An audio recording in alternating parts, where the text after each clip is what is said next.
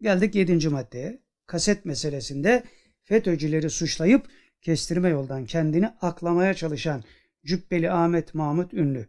Bak FETÖ'cüler ne diyor? Dinleyelim.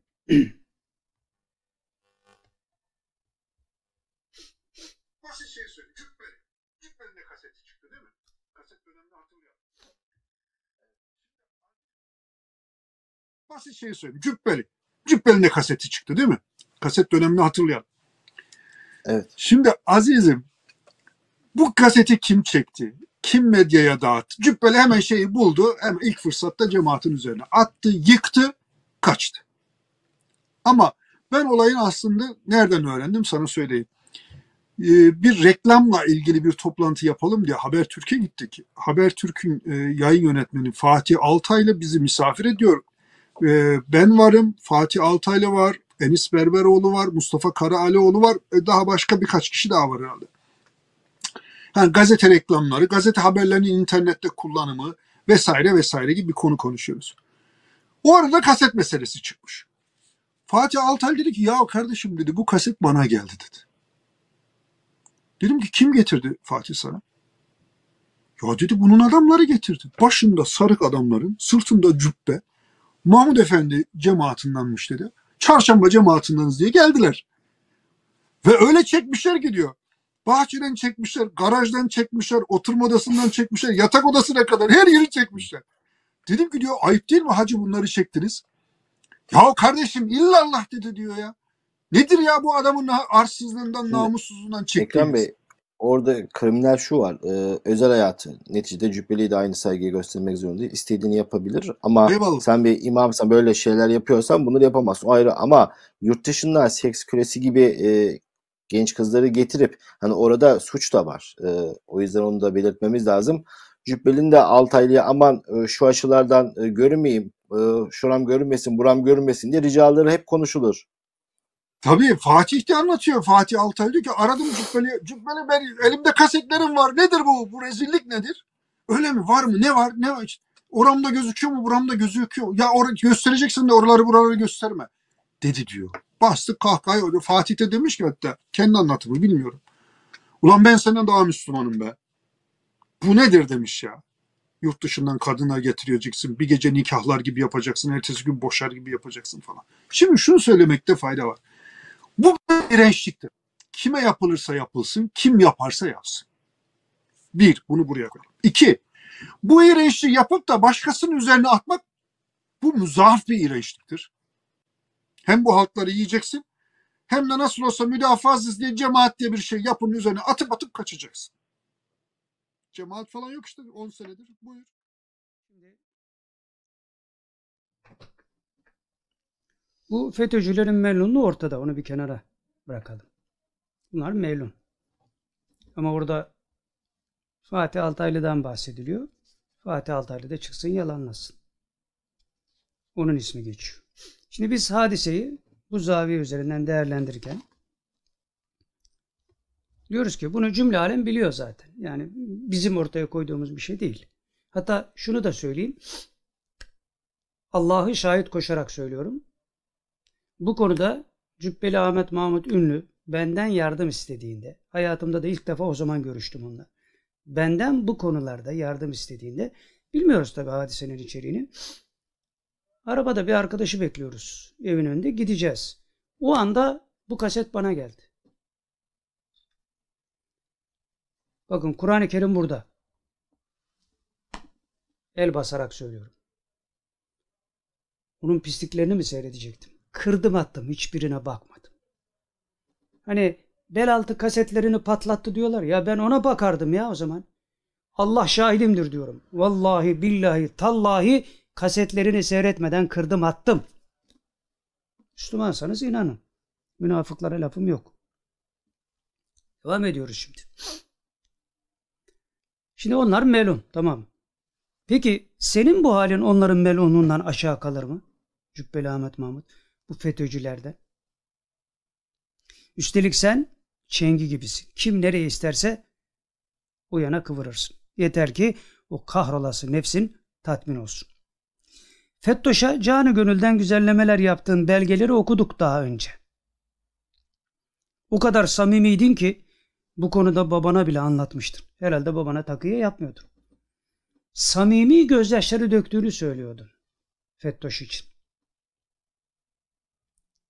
Dememiz o ki 15 Temmuz başarılı olsaydı sen şu an kainat imamı Pensilvanya şeytanının yüce kadısı olarak çıkacaktın karşımıza. Allah müsaade etmedi. Sefaletin artarak bu yüzden devam ediyor. Kadı olacağını nereden mi çıkardık? Yani bu lafı nereden çıkardık da söylüyoruz?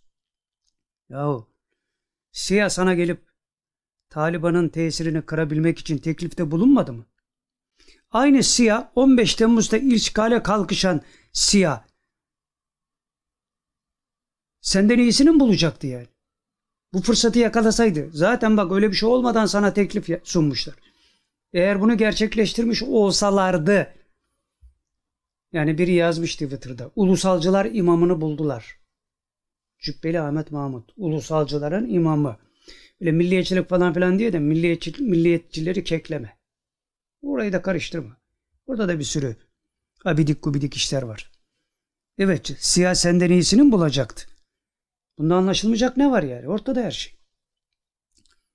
Geldik 8. maddeye.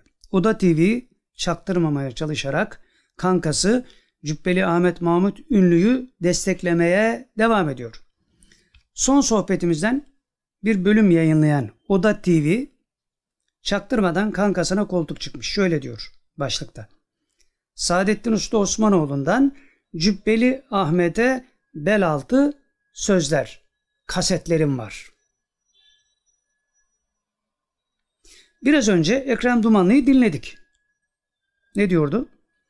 Fatih Altaylı'ya kaseti sarıklı kişiler getirmiş. Fatih Altaylı çıksın yalanlasın. Yok bunlar getirmedi başkalarıydı desin. Biz adamın söylediğini söylüyoruz. Yani kasetler patlayalı çok oldu. Uuu, seneler önce oldu. O da TV'nin kafa bel altı işlediğinden bizim cübbeliye erkeksen şehliğini ilan et kasetlerini patlatırım dememizi müstehcen bir karşılık zannetti demek. Halbuki bu kaset baset önemli değil. Ya bunun öbür şeyleri yani itikada taalluk eden tarikat-ı aliyeyi Nakşibendiye'yi ilgilendiren bir şey olduğu için bel altı kasetinden çok daha vahim ya. Çok daha vahim. Şimdi bir de şöyle bir şey vardı. Söylemiş miydim? Hemen aklıma gelmişken söyleyeyim. Diyor ki yanındakine ya bütün cümle alem biliyor ki bizim Mahmud Efendi'nin şeyi yok. icazeti yok. Hani ile Hıskıvi Hazretleri yazılı bir belge vermedi. Onu kastediyor. Ama diyor Şeyh Nazım Kıbrisi'nin icazeti sağlamdır diyor. Ondan bir icazet alsak. Şimdi işin maddi boyutuna bakan belden aşağı kasetlerle alakalı bir şey düşünür. Demek ki o da TV'de öyleymiş. Belden aşağı gitti. Bütün millet de öyle gitti ya. Çok tuhaf oldu yani. ya biz başka bir şeyin derdindeyiz. Onun için şeyhliğini ilan et de patlatalım dedik. Gene diyoruz. Şeyhliğini ilan et patlatalım. Adam bizi hem kale almadığını söylüyor bu konularda. Ben kale almam onu diyor röportajında. Sonra bizi gidip savcılığa şikayet ediyor. Ne yapmışız? Şey ne diyorlar ona? Şantaj yapmışız. Ha, bugün gittik ifadeyi verdik geldik. Bugün pazar. İfadeyi verdikten sonra gelip sohbete girdim yani. o kadar da söyleyelim. Bizi kale almıyor ya amcam. Almıyor. Sen dönüp işine bakarsın ya. Hiç kimse bizi kale almıyor. Herkes bize saldırıyor. Ne oluyor ya? Kale almayın. Biz adam değiliz. Evet adam değiliz biliyoruz. Şimdi adam olmadığımızı anlatan yerlere de geleceğiz zaten. İşte üstadın söylediği şey üzerinden tabii. Ne diyordu? Biz bu kervanın arkasından sekerek giden topal köpeğiz. Evet. Öyleyiz. Onun için bizden birileri korkuyor ne hikmetse. Tabii bu korku bizden kaynaklanmıyor. İnancımızın gereği olarak bir tasarrufla alakalı. Allah'ın bir lütfu. Adam bana diyor ki İşte niye sen böyle hayal mayal falan filan. Ya diyorum estağfirullah. Zâlike fadlullahi yu'ti men yeşâ. Bu Allah'ın fazladır. Dilediğine verir. Bana verdi demiyorum bak. Ama bana söylemeye izin verdi. E sana mı soracaktı Mevla kime ne verecek? Ondan sonra ben sana ayet okuyorum çıkamıyorsun işince. Buna rağmen de inanmıyorsun. Ve ma ya'lemu cunuda rabbike illa. Rabbinin nice askerleri var kimse bilmez. Neredeler? O askerlerden bir tanesini sana gönderse kulağına bir şey üflese o asker. Ne yapacaksın? Olmaz. Zinhar. Akıl almıyor falan. Senin akılsızlığını da akıl almıyor. Ne yapacağız şimdi? Ne yapacağız? Efendimiz Aleyhisselatü Vesselam'ın mucizeleri, Ehlullah'ın kerametleri. Keramet göstermezler onlar. Utanırlar ondan ama zaruri şartlarda şey yaparlar. Fakat tasarruf ayrı bir şey. Tasarruf ayrı bir şey. O da keramettir. Hayatın bütünü zaten keramettir de biz göremiyoruz. Ya bazen maslahata binaen şuna şunu gösterirler, buna bunu gösterirler, şuna şunu anlatırlar, buna bunu anlatırlar falan filan. O işin alanı çok geniş. Oraya girdin mi boğuluyorsun zaten. Onun için teslim olacaksın. Bunun da şeyi tarikatı Ali Muhammediyedir, Nakşibendiyedir, Kadiriyedir, Halvetiyedir falan falan. Bu işin usulü çünkü kalpler Allah'ı zikretmekle mutmain olur diyor Mevla. Tarikatta bunu gösteriyor zaten. Ondan sonra da en güzel tarifi Ehlullah'tan birisi yapmıştır. Tarikatta yapılan her şey namazı dosdoğru kılabilmek içindir. Havuz yapmak için değil bak. Namazı dosdoğru kılabilmek içindir. Sen bunları yapamadığın için tarikat diye bir şey kalmadı dedin. Kaldırdın attın bir kenara. E tamam kalmadıysa niye maydanoz oluyorsun şeyleri? Git işine bak ya. Tarikat yok diyorsun. Kime diyorsun bunu? Anlatacağız. O gelecek zaten. Filancının adamlarını toplamışsın cücüklerini karşına. Tarikat diye bir şey kalmadı diyorsun. Kalmadıysa sen ne yapıyorsun? Evet.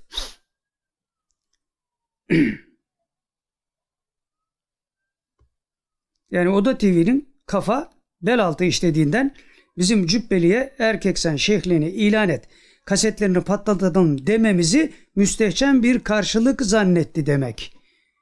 Şimdi hayırlı manasını hıyar kelimesini kullanarak birilerine de bir gönderme yapayım. Bazı hıyarlar da böyle anladı. Kafasında sarık falan filan. Biraz akıllı olun ya. Eşek kadar adamlarsınız yani. Tövbe estağfurullah. İşin bir de başka boyutu var ki bizi de şaşırttı. Fatih Altaylı'nın bahsettiği hocalar kimler ve gerçek niyetleri neydi bunlar? Bir de bu tarafı var işin. Eğer Fatih Altaylı doğru söylüyorsa bunları oraya getiren hocalar kimler? Bunun hesabı sorulmalı. Ve niyetleri neydi bu adamların? Bu kasetleri oraya getirirken. Bizler ölümüne nehyanil münker yaptığımız için. Ölümüne nehyanil münker yaptığımız için bu hocaların kimliği de bizim için önemli. Bu hocaların kimliği bizim için önemli. Bir kez daha tekrarlayalım. Biz Cübbeli Ahmet Mahmut Ünlü gibi kolpadan reddiye yapmıyoruz. Ölümüne nehyanel münker yapıyoruz. Bu sebeple kasetleri Fatih Altaylı'ya veren hocaları da bulacağız. Bakalım neye ve kime hizmet için servis etmişler kasetleri. Şayet gayeleri hak değil de sadece Cübbeli Ahmet Mahmut ünlüyü olan kinleri, husumetleri ise veya başkaca art niyetleri var idiyse onlarla da hem bu dünyada hem de öbür dünyada hesaplaşacağız. Kim dinimizi, imanımızı, itikadımızı nefsine meze yapmaya kalkarsa Allah'ın izniyle bizden paçayı kurtaramaz. Şayet biz de pazarlıksız olarak Allah ve Resul davasına bağlanmazsak Allah bizim de belamızı verir. Bu yol ihlas yoludur. Şehit kumandan hazretleri Salih Mirza Beyoğlu'nun sözüyle bitirelim. Diyor ki Müslümanlar dik durun karşınızda leşler var. Şair-i Azam Üstad Hazretleri de ne diyordu?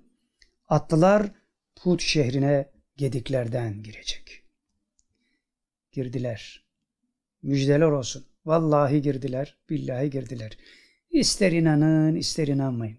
Biz inandığımızı ihlasla söylemeye çalışıyoruz. Gerisi de bizi hiç ilgilendirmez.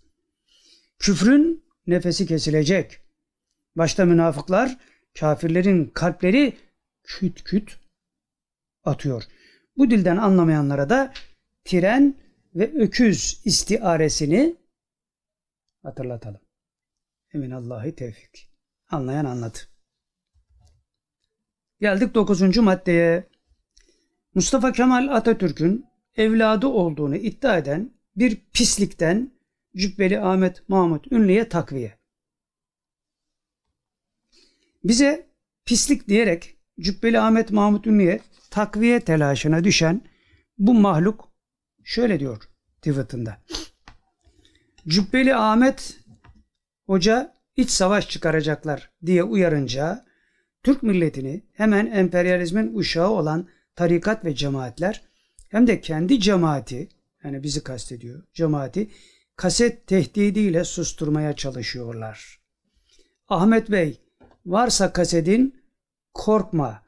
Biz de burayı müsaadenizle söylemek istiyorum biraz şey ama biz de diyor sevişen insanlarız. Bu pislik şantajcıların ipliğini bu pislik şantajcıların ipliğini pazara çıkar. Yani bu neymiş? Mustafa Kemal Atatürk'ün evladı olduğunu iddia ediyor. Zaten şeydi o. Niki de oydu zannediyorum. Şimdi biz bu pisliğe elbette cevap vermek için yazmadık bunları. Sadece Cübbeli'ye bu adamın tavsiyesine uyup Cübbeli'ye diyoruz ki bu adamın tavsiyesine uy uyup bizim ipliğimizi pazara çıkarmasını, çıkarabilirse de kendisine bu aklı veren Kemalist dostlarına teşekkür etmesini salık veriyoruz. Varsa şayet cemaatindeki Kemalistler de bu durumdan bir aile memnun olur. Vardır belki cemaatin içinde Kemalistler. Cübbeli Ahmet Mahmut. Yani şimdi işin şakası bir tarafa. Bizim derdimiz kumandan hazretlerinin şu sözüne tabi olup gerçekleştirmek. Şimdi ilk metne geri dönerek bir hatırlayalım. İlk metinde ne okumuştuk? Ona nispetle de bu sözü söylüyorum. Kumandan Hazretleri'nin şu sözü. Bizim derdimiz idiş edilmiş idraklerimizin intikamını almaktır. İdiş edilmiş idraklerimizin intikamını almak. Başka bir derdimiz yok. Kim ne yaparsa yapsın. Başımıza da ne gelirse gelsin bizim derdimiz bu. Bugüne kadar da hep bu oldu. Bunu da ispat ettik Allah'ın izni keremiyle. Mevla bundan sonra da inşallah ayaklarımızı kaydırmasın. Geldik 10. maddeye. Cübbeli Ahmet Mahmut Ünlü beni ciddiye almıyormuş. Ayda. Almaz tabi. Benle mi uğraşacak adam? O ülkede çıktı çıkacak olan iç savaşı önlemekle meşgul. Adamın önemli işleri var yani bizle uğraşacak hali yok. Bakın kankası Oda TV'nin Twitter hesabında ne yazıyor? Diyor ki Oda TV Saadettin Usta Osmanoğlu'nun ithamlarına cevap veren Cübbeli Ahmet Hoca Mahmud Efendi tabuttan teveccüh etti. Tayyip Bey sessiz duruma döndü. Mealinde şeyler söyleyen bir kişiyi ben ciddiye almıyorum. E savcılığa niye şikayet ettin? Ya bir yandan hasta diyorsun. Şimdi başka bir hocaya da hasta dedin. Onu da hatırlatmıştım ama şimdi ondan başka bir şeyler daha okuyacağım. Onu da göreceğim. Ona da hasta dedin. Ya hasta adam savcılığa ihbar edilir mi ya?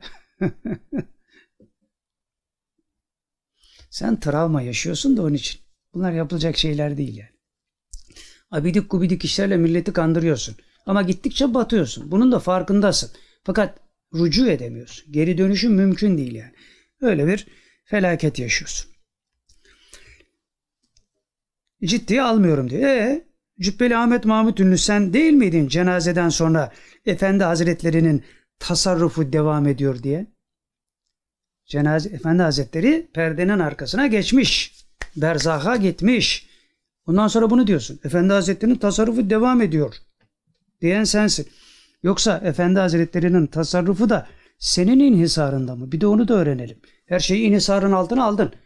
O inhisarın altına aldığın şeylerin bir kısmını söyleyemiyoruz. Birileri çünkü zor duruma düşüyor. Bunlar da vakti geldiğinde söyleyeceğiz tabii.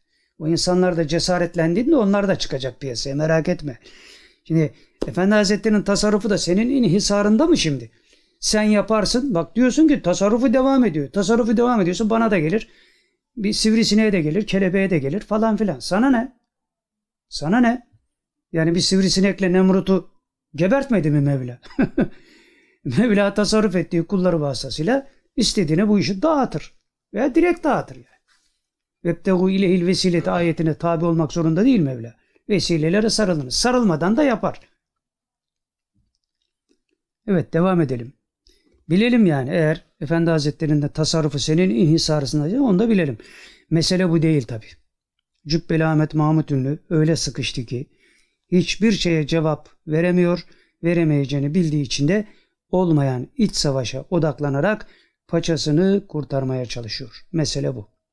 Kurtaramayacak. Kemalist abilerinden de fayda yok. Bunu bilsin.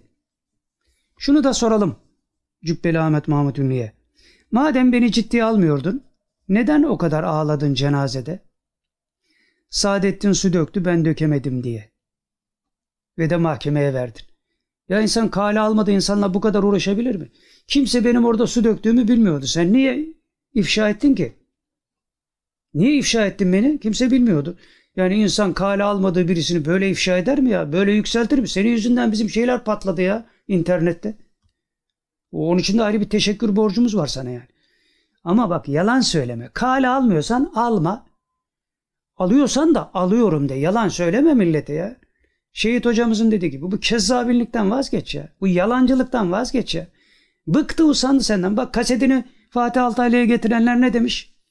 Bıktık usandık ya bundan demiş. Şurucuk kaset getiriyorlar oraya.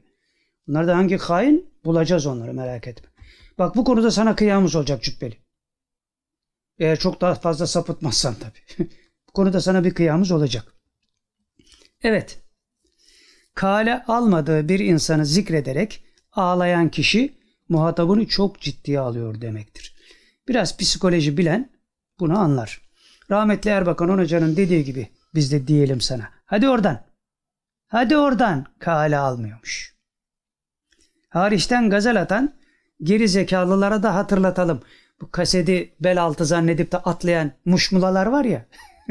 hepsi rezil oldu tabi. Mesela bir tanesi daha önce anlattığımız birisi. Cübbeli Ahmet Mahmut'un elinde sabah namazını kılacak kadar kendisine yakın olan birisi. Biliyorsunuz o mevzu geçmiş sohbetlerde vardı. Ve başkaları da var tabi. Bu isimle tweet atıyor ama aynı adam herhalde. Diyor ki bakın neyi hatırlatıyor şimdi. Aynen şunu yazmış. Sevgili Mehdi'miz, yeni şeyhimiz Cübbeli Ahmet Mahmut Hoca Efendimizin ana bu Mehdilik ilan etti bizim mi haberimiz yok? Yani Mehdi 500 sene sonra gelecek derken bir şeyleri mi perdeliyordu acaba? İlan etmiş herhalde adam böyle diyor. Orada da göstermiştim size. En önde oturan birisi. Cübbeli Ahmet Hoca Efendimizin İsmail Ağa'nın tamamı hakkında tamamı hakkın İsmail Ağa'nın tamamı hakkında iğrenç kasetleri olduğunu beni kızdırmayın yayınlarım ha buyurduğunu bunu söylüyor evet. Bana değil. İsmail Hanım bütün hocalarına şantaj yapmış adam ya. Bütün hocalarına evet hem de bir tane değil diyor iki tane. Onu da anlatıyor zaten. Bunu Cübbeli de kendi söylemişti zaten. Beni kızdırmayın ha buyurduğunu hatırlayalım. Hem de bu kasetlerin bir değil ikişer olduğunu da hatırlayalım diyor bu adam. Yani bu adamın demesi önemli değil. Cübbeli'nin söylediğini zaten hatırlatıyor. Evet bu yönde tehdidini herkes biliyor. Mahkemeye de intikal ettirildi. Bunlar bizim tarafımızdan da mahkemeye intikal ettirildi. Şimdi bu şey neydi o Vahhabi'nin adı? He? Haris. Haris. Ebu Haris. Ha, Ebu Haris. Ebu Haris meselesinden de şimdi diyorum yani sen onlarda silah var derken onların karşısındakilerden silah çıktı. Başım belaya girecek yani. Dur bakalım. Orada ne gibi bir gelişme olur. Her taraftan başım belada yani. Böyle katlana katlana gidiyor. Mahkemeye intikal ettirildi. Anlaşılması gereken şu ki her türlü fırıldağı çeviren, hocaları kürsüden ifşa etmekle tehdit eden bu adam bu adam bugüne kadar zulmünü bu şantajlarla ve satın almalarla devam ettirebilmiştir. Ama beni şantaj, bana şantaj yapıyor diye bizi de şikayet etmekten zerre kadar utanmıyor. Lakin yolun bittiğini fark ettiğinden başta Kemalistler olmak üzere bütün yandaşlarını meydana sürdü. İlk ve en çanhıraş şekilde savunanlar neden Kemalistler dersiniz? Çanhıraş bir şekilde bunu niye ya Allah Allah ne oldu bu Kemalistlere ya? Geldik 11. maddeye. Ne kadar oldu? He? Bir buçuk. Tek ders yapıyoruz gene olmuyor. evet. Başlık şu 11. madde. Gecenin finali. Gecenin finalini Twitter hesabında Akademi dergisi yapmış. Diyor ki Müslüman Anadolu'nun kalbini temsil eden Türkiye'nin en büyük cemaatini teslim almaya yönelik uluslararası istihbarat operasyonu bu gece itibariyle tamamen çökertilmiştir. Hayırlara vesile olsun. Operasyonu çökerten cesur yüreğe selam olsun. Övünmek gibi olmasın. Buradaki cesur yürek benim yani. Neydi? Braveheart mı? Ne diyorlardı? evet. O kadar da ben dava atayım yani. Altında da şöyle devam etmiş. Dini ve milli güvenlik meselesi olarak Cübbeli Ahmet Mahmut Ünlü'nün saydıkları Ümit Özdağ'dan ibaret değildir. Hadise zannedilenden çok ama çok daha derin ve tehlikelidir. Ve biz hatırlatıyoruz. Genç hocalar et İstanbul alt dire stan hesabını vermiş. Şey Akademi dergisi bu hesap vermiş bakılması için. Ki orada 32 tekmili birden hadiseler neşredilmiştir yani. En çok bilgi orada var. Evet geldik 12. maddeye. Başlık şu. Kelkeleş taifesinin fitne fucuruna bir şerh düşelim. Bazıları diyor ki yiyin birbirinizi. Yani bu münafık kafir taifesi yiyin lan birbirinizi. Onlar da coşmuşlar yani internette. Biz de diyoruz ki onlara a geri zekalı evladım. Biz Cübbeli Ahmet Mahmut Ünlü'yü size ulaşmak için yiyoruz lan geri zekalılar anlamıyor musunuz bunu? Cübbeli Ahmet Mahmut ne ki? Biz size ulaşmak için onu yemek zorundayız. Size ulaşmamız için engellerin kalkması lazım. Ünlü Cübbeli de bu engellerden biri. Bekleyin size sürprizlerimiz var ulaşacağız. Bekleyin. Şunu da bilin. Bizim davamız rızayı bari içindir. Allah rızasından başka davamız yok. Başka türlü bu işler yürümez. Kimseye kin tutmaz. Kimsenin zatına da düşman olmayız. Ancak kötü amellerinden dolayı insanlara düşmanlığımız var. Kötü amellerin nedir düşmanlığımız? O da zaruretler çerçevesinde cereyan eder. Yani şu adamın bir hatası var. Hurra senin yok mu derler adama. Zaruretler nispetinde dediğimiz de bu. Zaruretler çerçevesinde yani sınır aşılmıştır veya aşılma noktasına gelmiştir. Sen bunu tespit etmişsin. Tespitinde yanılmış da olabilirsin. Ama ihlas ve samimiyetle eğer inanıyorsan o işe el atabilirsin. İnanıyorsan, yanlış yaparsan da Allah affetsin. Mevzu budur. Biz insanların zatına düşman olmayız. Kötü amellerine düşmanız. Onun için yiyin birbirinizi falan filan derken biz birbirimizi yerken bile birbirimize faydamız olur. Müslümanların kendi arasındaki hali budur. Çünkü mümin kardeşimizin kötü ameline düşman oluruz, kendisine olmayız. Onun için hariçten gazel eden kafir ve Müslümanlar size bu kapıda ekmek yok ya. Ama bir takım Müslümanlar onu da yanlış anlıyor. Ya bak işte kafirlerin, münafıkların ya ekmeğine yağ sürdük. Ya o senin meseleyi anlamaman. Eğer gerçekten kelleni ortaya koyarak ortada olsaydın bu lafı söylemezdin zaten. Sen kebap yemeye devam etmek istiyorsun. Mübarek olsun afiyet olsun kardeşim ona da bir şey demiyoruz. Ama yüreğin yoksa kavgaya girme ya. Kavgaya girme. Bak biraz işler sarpa sardığında herkes tüyüyor. Herkes tüyüyor. Arazi. Sonra ortalık durulsun da kaldığımız yerden devam edelim diyor. Aynısı bak umumi olarak bütün İslam alemine olmadı mı? Pandemi geldi kastı kavurdu gitti falan filan. Adam ne diyordu? Ya şu pandemi geçse de eski halimize dönsek. Mübarek adam. Eski halin kötü olduğu için Allah böyle bir ceza verdi. Covid-19 var yok orası önemli değil. Sen bu sıkıntıyı yaşadın mı? Yaşadın bitti. Covid-19 varmış yokmuş orası beni ilgilendirmez. Sen bu sıkıntıyı yaşadın mı? Yaşamadın. Yaşadın. Bitti. Bu cezayı niye çektin anlamıyor musun ya? Eski haline dönecekmiş. Kaç günlük dünyada yaşıyorsun ya? Evet, kötü amelleri nedir düşmanlığımız? O da zaruretler çerçevesinde cereyan eder. Cübbeli Ahmet Mahmut Ünlü, bugün yaptıklarından rucu etsin, herkesten çok korumamız altında olur. Kimsenin günahı bizi ilgilendirmez. Bizi ilgilendiren davamızın genel istikametini değiştirecek davranışlardır. Cübbeli Ahmet Mahmut Ünlü de bu tür davranışlara çok yeltenmiştir. Tavrımız Allah Resulü'nün zalim kardeşinize de yardım edin hadisi şerifine binaen nehi anil münkerdir. Burayı bir daha söylüyorum. Tavrımız Allah Resulü'nün zalim kardeşinize yardım edin hadisi şerifine binaen nehi anil münkerdir.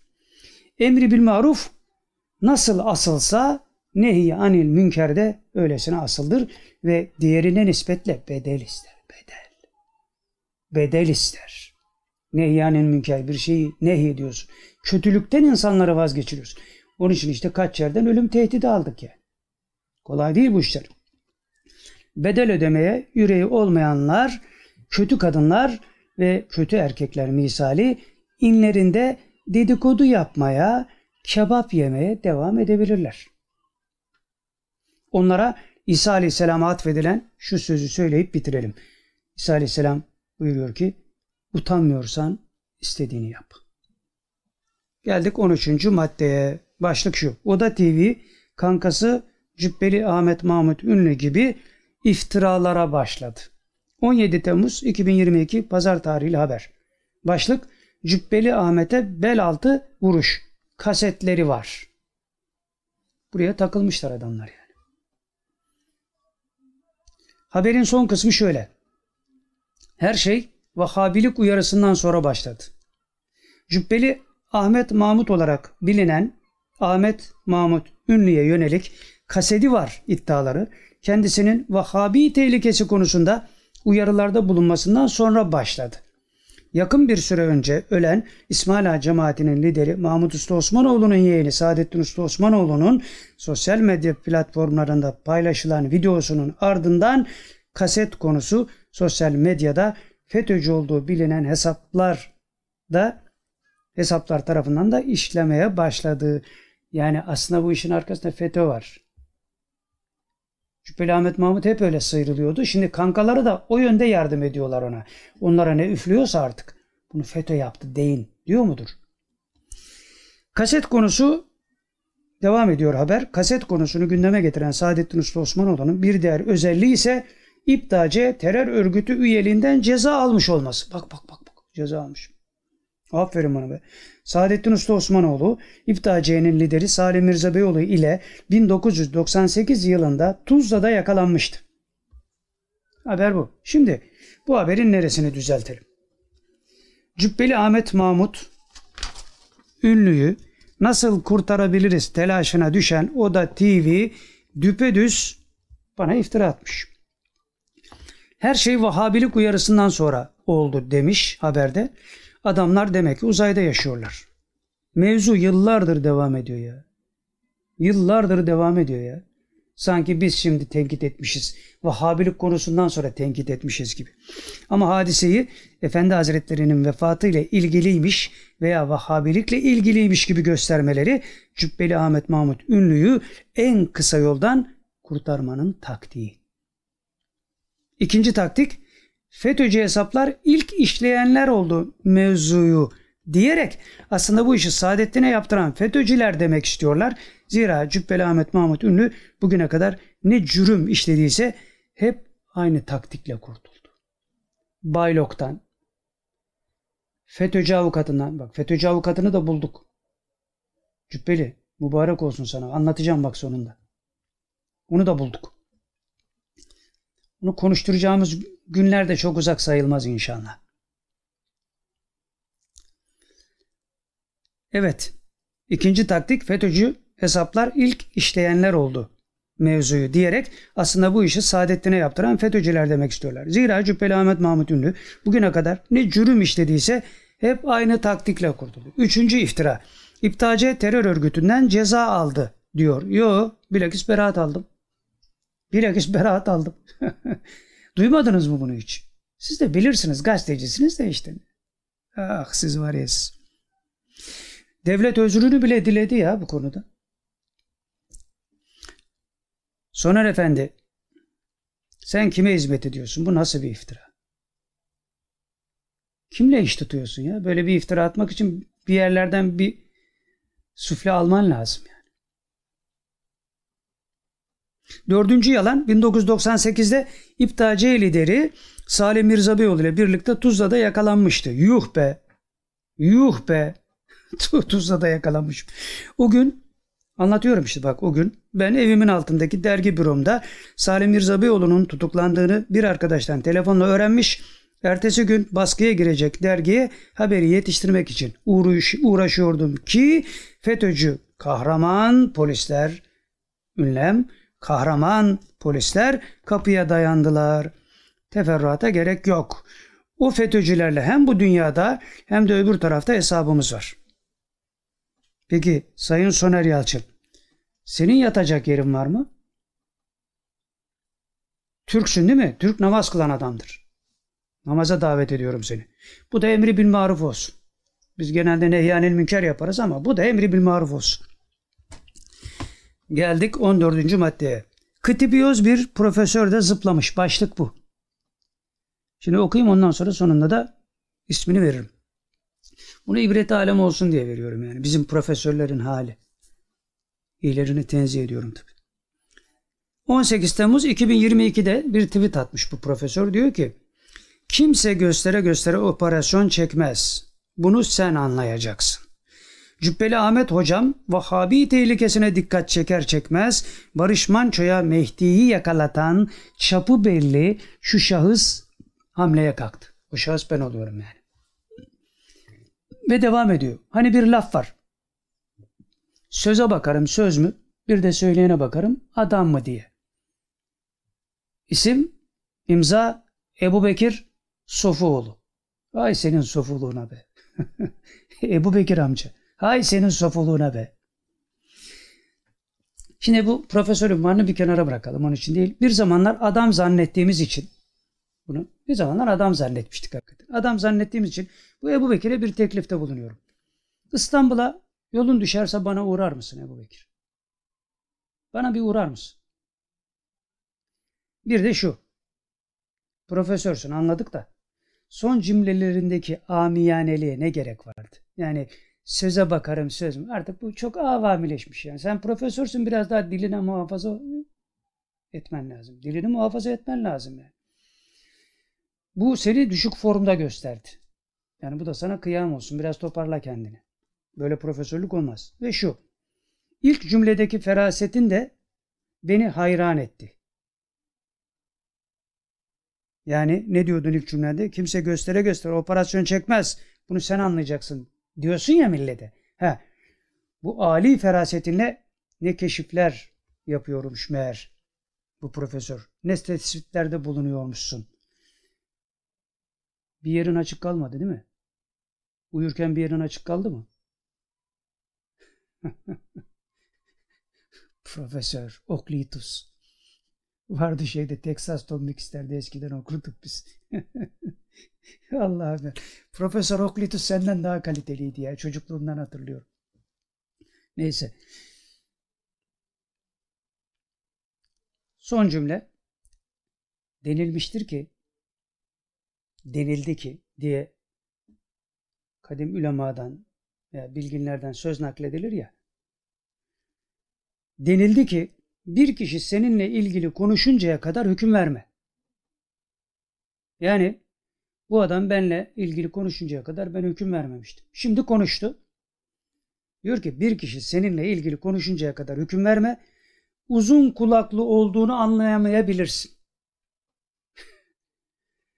Bırak seninle ilgili bir şey söylesin ondan sonra konuş.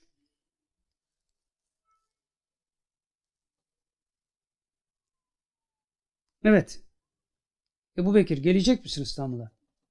Bak sana çektiğim operasyonun mahiyetini tamamıyla anlatacağım. Söz. Hani operasyon çekiyormuşum ya ben. Millet de anlamıyormuş. Sen de milleti uyandırırsın. Söz veriyorum sana. Operasyonun tümünü anlatacağım sana. Kaç saat istersen. Gelmezsin, gelemezsin. O kadar yüreğiniz de yok sizin zaten. Ha, aklına da ilk geleni söyleyeyim sana. Ulan gidersen bunlar beni döver. Hasbunallahu ni'mel. Kafanızda bu kadar basar yani. Onu da söyleyeyim yani. Ha şimdi ben biraz seni kışkırttım. Bir de höykürüp gelirsen var ya helal olsun sana. Bu da olur yani. İftira atmayın. İftira günahtır bak. Günahtır yani.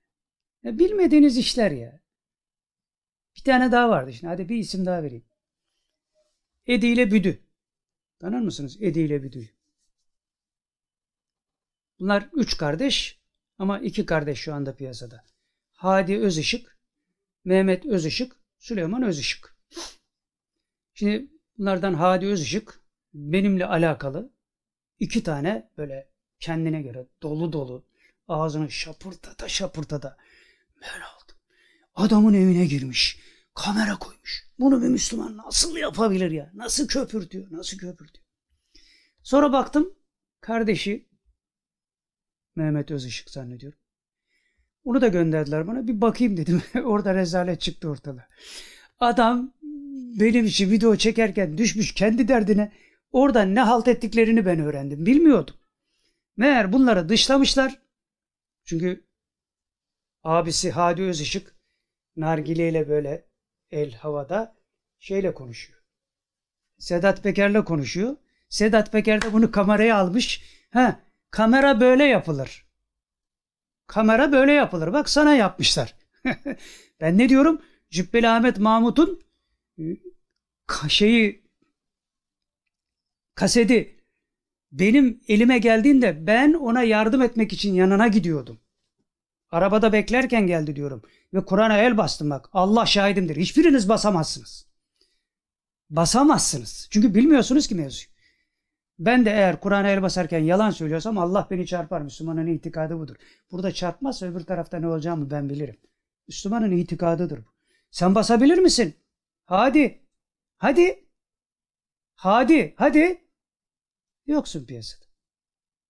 Şimdi burada Mehmet Özışık benimle ilgili şey yaparken Allah Kıpti merdi şecaat arz ederken sırkatin söylermiş hesabı. Döndü kendi derdine bize şöyle diyorlar bize böyle diyorlar. Ben bir tweet atsam diyor hemen altına diyor Hadi'nin diyor nargilesinden ne haber diye dalga geçiyorlar. E AK Parti'de de bunlara muhalefet olmuş. Çünkü sen öyle bir pisliğin içine düştün ki yani Sedat Peker'le şey yaparken bu taraftan bakanla Süleyman Soylu'yla falan filan. Bizi ilgilendirmez oralar. E bunları anlatsana sen. Bilmediğin mevzulara burnunu sokuyorsun. yani o Mehmet Özışık'ın kasetini dinlemenizi isterim. Öbürü Süleyman zaten ortada yok. O da bir şey yaşamış. Ne yaşadıysa tam şimdi hatırlamıyorum da. Asıl felaket o yaşadı herhalde. O hiç çıkmıyor. Yani helal olsun. Bak ona helal olsun. Bir de şey helal olsun. Yani ondan sonra piyasadan çekildiler. Tamam haddimizi bilelim dediler. Habertürk'teki neydi? Hani şu şeylerde kalmış falan filan. Ee, unutuyorum adını. Otellerde başkasının parasıyla kalmış falan filan diye patlattılar ya. Sedat Peker patlattı. Adam piyasadan çekildi. Tamam. Anladı yani suç değil. E siz de çekilin ya. Hala millete iftira atmakla meşgulsün. Sen ahirette benim hakkımı nasıl ödeyeceksin? Sen bırak Cübbeli Ahmet Mahmut'un kasetlerini. Bak biz Fatih Altaylı'nın kasetleri Cübbeliler getirdi dedikleri kişinin peşine düşeceğiz şimdi biz. Onları da bulacağız. Bunu niye yaptın sen? Bir cemaate bu ihanet nasıl yapılır? He, ondan sonra bizimkileri de ihanet zannedersiniz. Hayır. Anlatıyoruz bak ne ya anil münkerin ne oldu. Şimdi ilk başta ne dedik? Yahu dedikodudan başka bu millet bir şeyden anlamıyor ya. Onun için dedik ki bak bu şeyi okuyoruz. Burada başlığını da hatırlatayım. Meselenin aslı ve popülist mecburiyet. Bunu okuduk. Bunu hatırlayarak dinleyin diyoruz. Mesele bu yoksa öbürü dedikodu yani. Bir işe yaramaz. Evet devam ediyoruz. Ebu Bekir gelirse söz yani çektiğim operasyonu ben çekiyorum operasyonu. Bütün teferruatıyla anlatacağım. Eğer dinlemeye sabrı varsa tabii. Şimdi tabii burada da ben arkadaşlara bir şeyde bulayım hani yanlış anlamasınlar. Ebu Bekir aşeriyor aşeriyor. Aşerdiği için yaptı. Ama neye aşerdiğini anlayamadık. Bir şeye aşeriyor bu adam. Yoksa bu kadar hevesle zıplamaz yani bir insan. Aşeren insan aşerdiği şeyin peşine koşar. Sana ne oluyor ya? Ebu Bekir amca. Bu iftiralar ne ya? Mahkemeye mi vereyim sizi? Hasbunallahu ve ni'mel vekil. Ni'mel mevla ve ni'mel nasir. Gufraneke Rabbena ve ileykel masir. La havle ve la kuvvete illa billah. Bunlar Müslüman profesörler ya. Şuraya bak. Sosyal hadiselerin hiç olmazsa biraz içine girer insan ya. Sen Cübbeli Ahmet Mahmut'u nereden tanıyorsun? Televizyondan. E beni nereden tanıyorsun? Hiçbir yerden.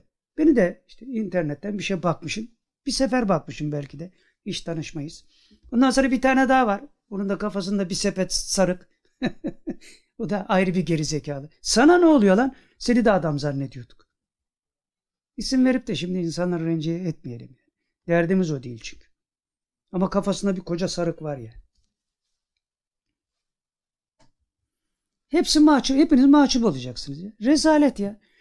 Güya birine, bir Müslümana iftira atıldı diye onu korumaya kalkarken başka bir Müslümana iftira siz atıyorsunuz ya. Siz atıyorsunuz ya. Hadi dünyada neyse ama ahirette yakanıza yapışacağız. Merak etmeyin. Yapışacağız.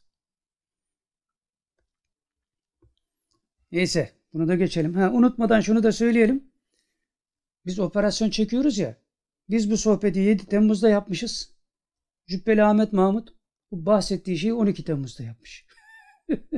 yani biz 12 Temmuz'dan önce bunun böyle bir sohbet yapacağını fark ettik. Keramet gösterdik. Yedisinde bu şeyi doldurduk. Öyle mi? Yani bize keramet atfetmeyin. Yok diyoruz biz de öyle bir şey. Ama burada öyle görünüyor. Biz yedisinde sohbet yaptık. O on ikisinde. Eğer o yedisinde yapıp biz on ikisinde yapsaydık tamam bir operasyon gibi görünebilirdi. Yani yine işin içine girmeden anlayamaz kimse. O ayrı bir olay da ne operasyonu ya? Bismillah. Evet. Madde 15. Cübbeli Ahmet Mahmut Ünlü Fatih Altaylı abisiyle Murat Bardakçı abisini iyi keklemiş. Önce bir yalan fırtınası videosu seyredelim. Şimdi bunu biraz uzun olduğu için hızlandırdık. Hızlandırmış olarak bunu dinleyeceğiz. Bundan sonra da buna bağlı bir şeyler söyleyeceğiz. Yine ona bağlı çok kısa bir dakikalık 50 saniyelik falan videolar göstereceğiz. Ama önce şunu bir dinleyelim. Yani teke tek teki bizle alakalı bölüm.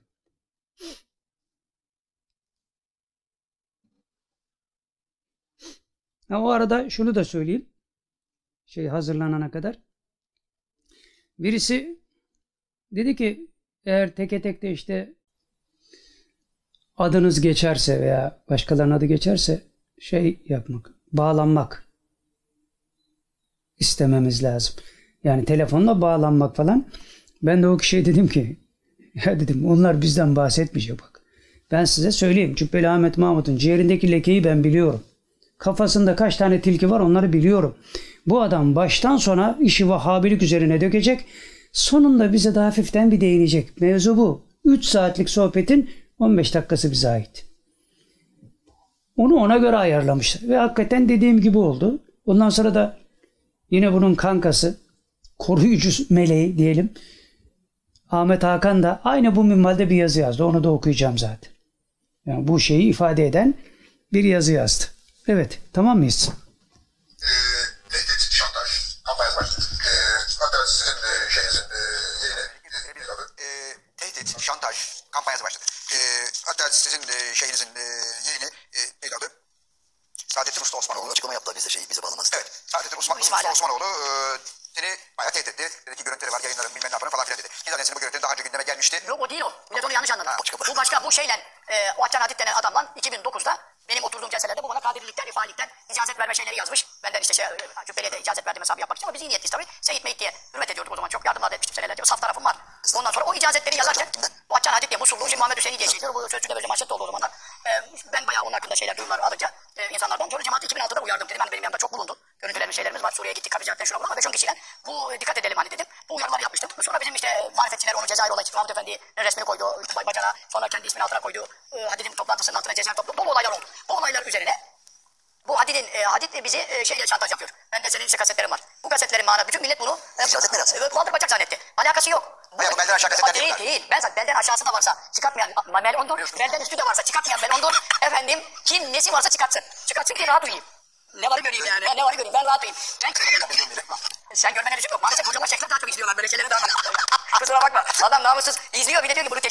teşhir ederim diyor. Namussuz caminin başıma. Şimdi bunları boş ver. Bunlar e, bir başka. Hocam, ne oluyor? Cemaat Bir dedik, şey, bu bir şey kavga oldu. etmeyin, Bir bu şey kavga etmeyin, ne oldu. olur. Kaset meselesi. Ben e, saymaz Hayır, aram. icazet merasimi ben. Babacım saymaz aramıştı. Ben bugün hürriyete çıktım. Bütün bu bilgileri söyledim ona. E, hatta hürriyet miydi? Ne hürriyet değil ya. Artık o hürriyet ona şey yapmaz. Eski O hürriyet, halk- eski hürriyet yok artık. e. Halk şeyde, Halk TV'de e, çıktı. E, buradaki şey e, türbe meselesi. Yok benim kabrim türbe olur mu? Şu olur mu? Bu olur mu? Gibi laflar. O bana sen şeyh mi olmak istiyorsun? Bilmem. Yok Mahmut Efendi'nin yaşıyla ilgili konular varmış. Bunları yayınlarım diyor. Bize zaten bu adam bunu çantası olarak tek etmişti.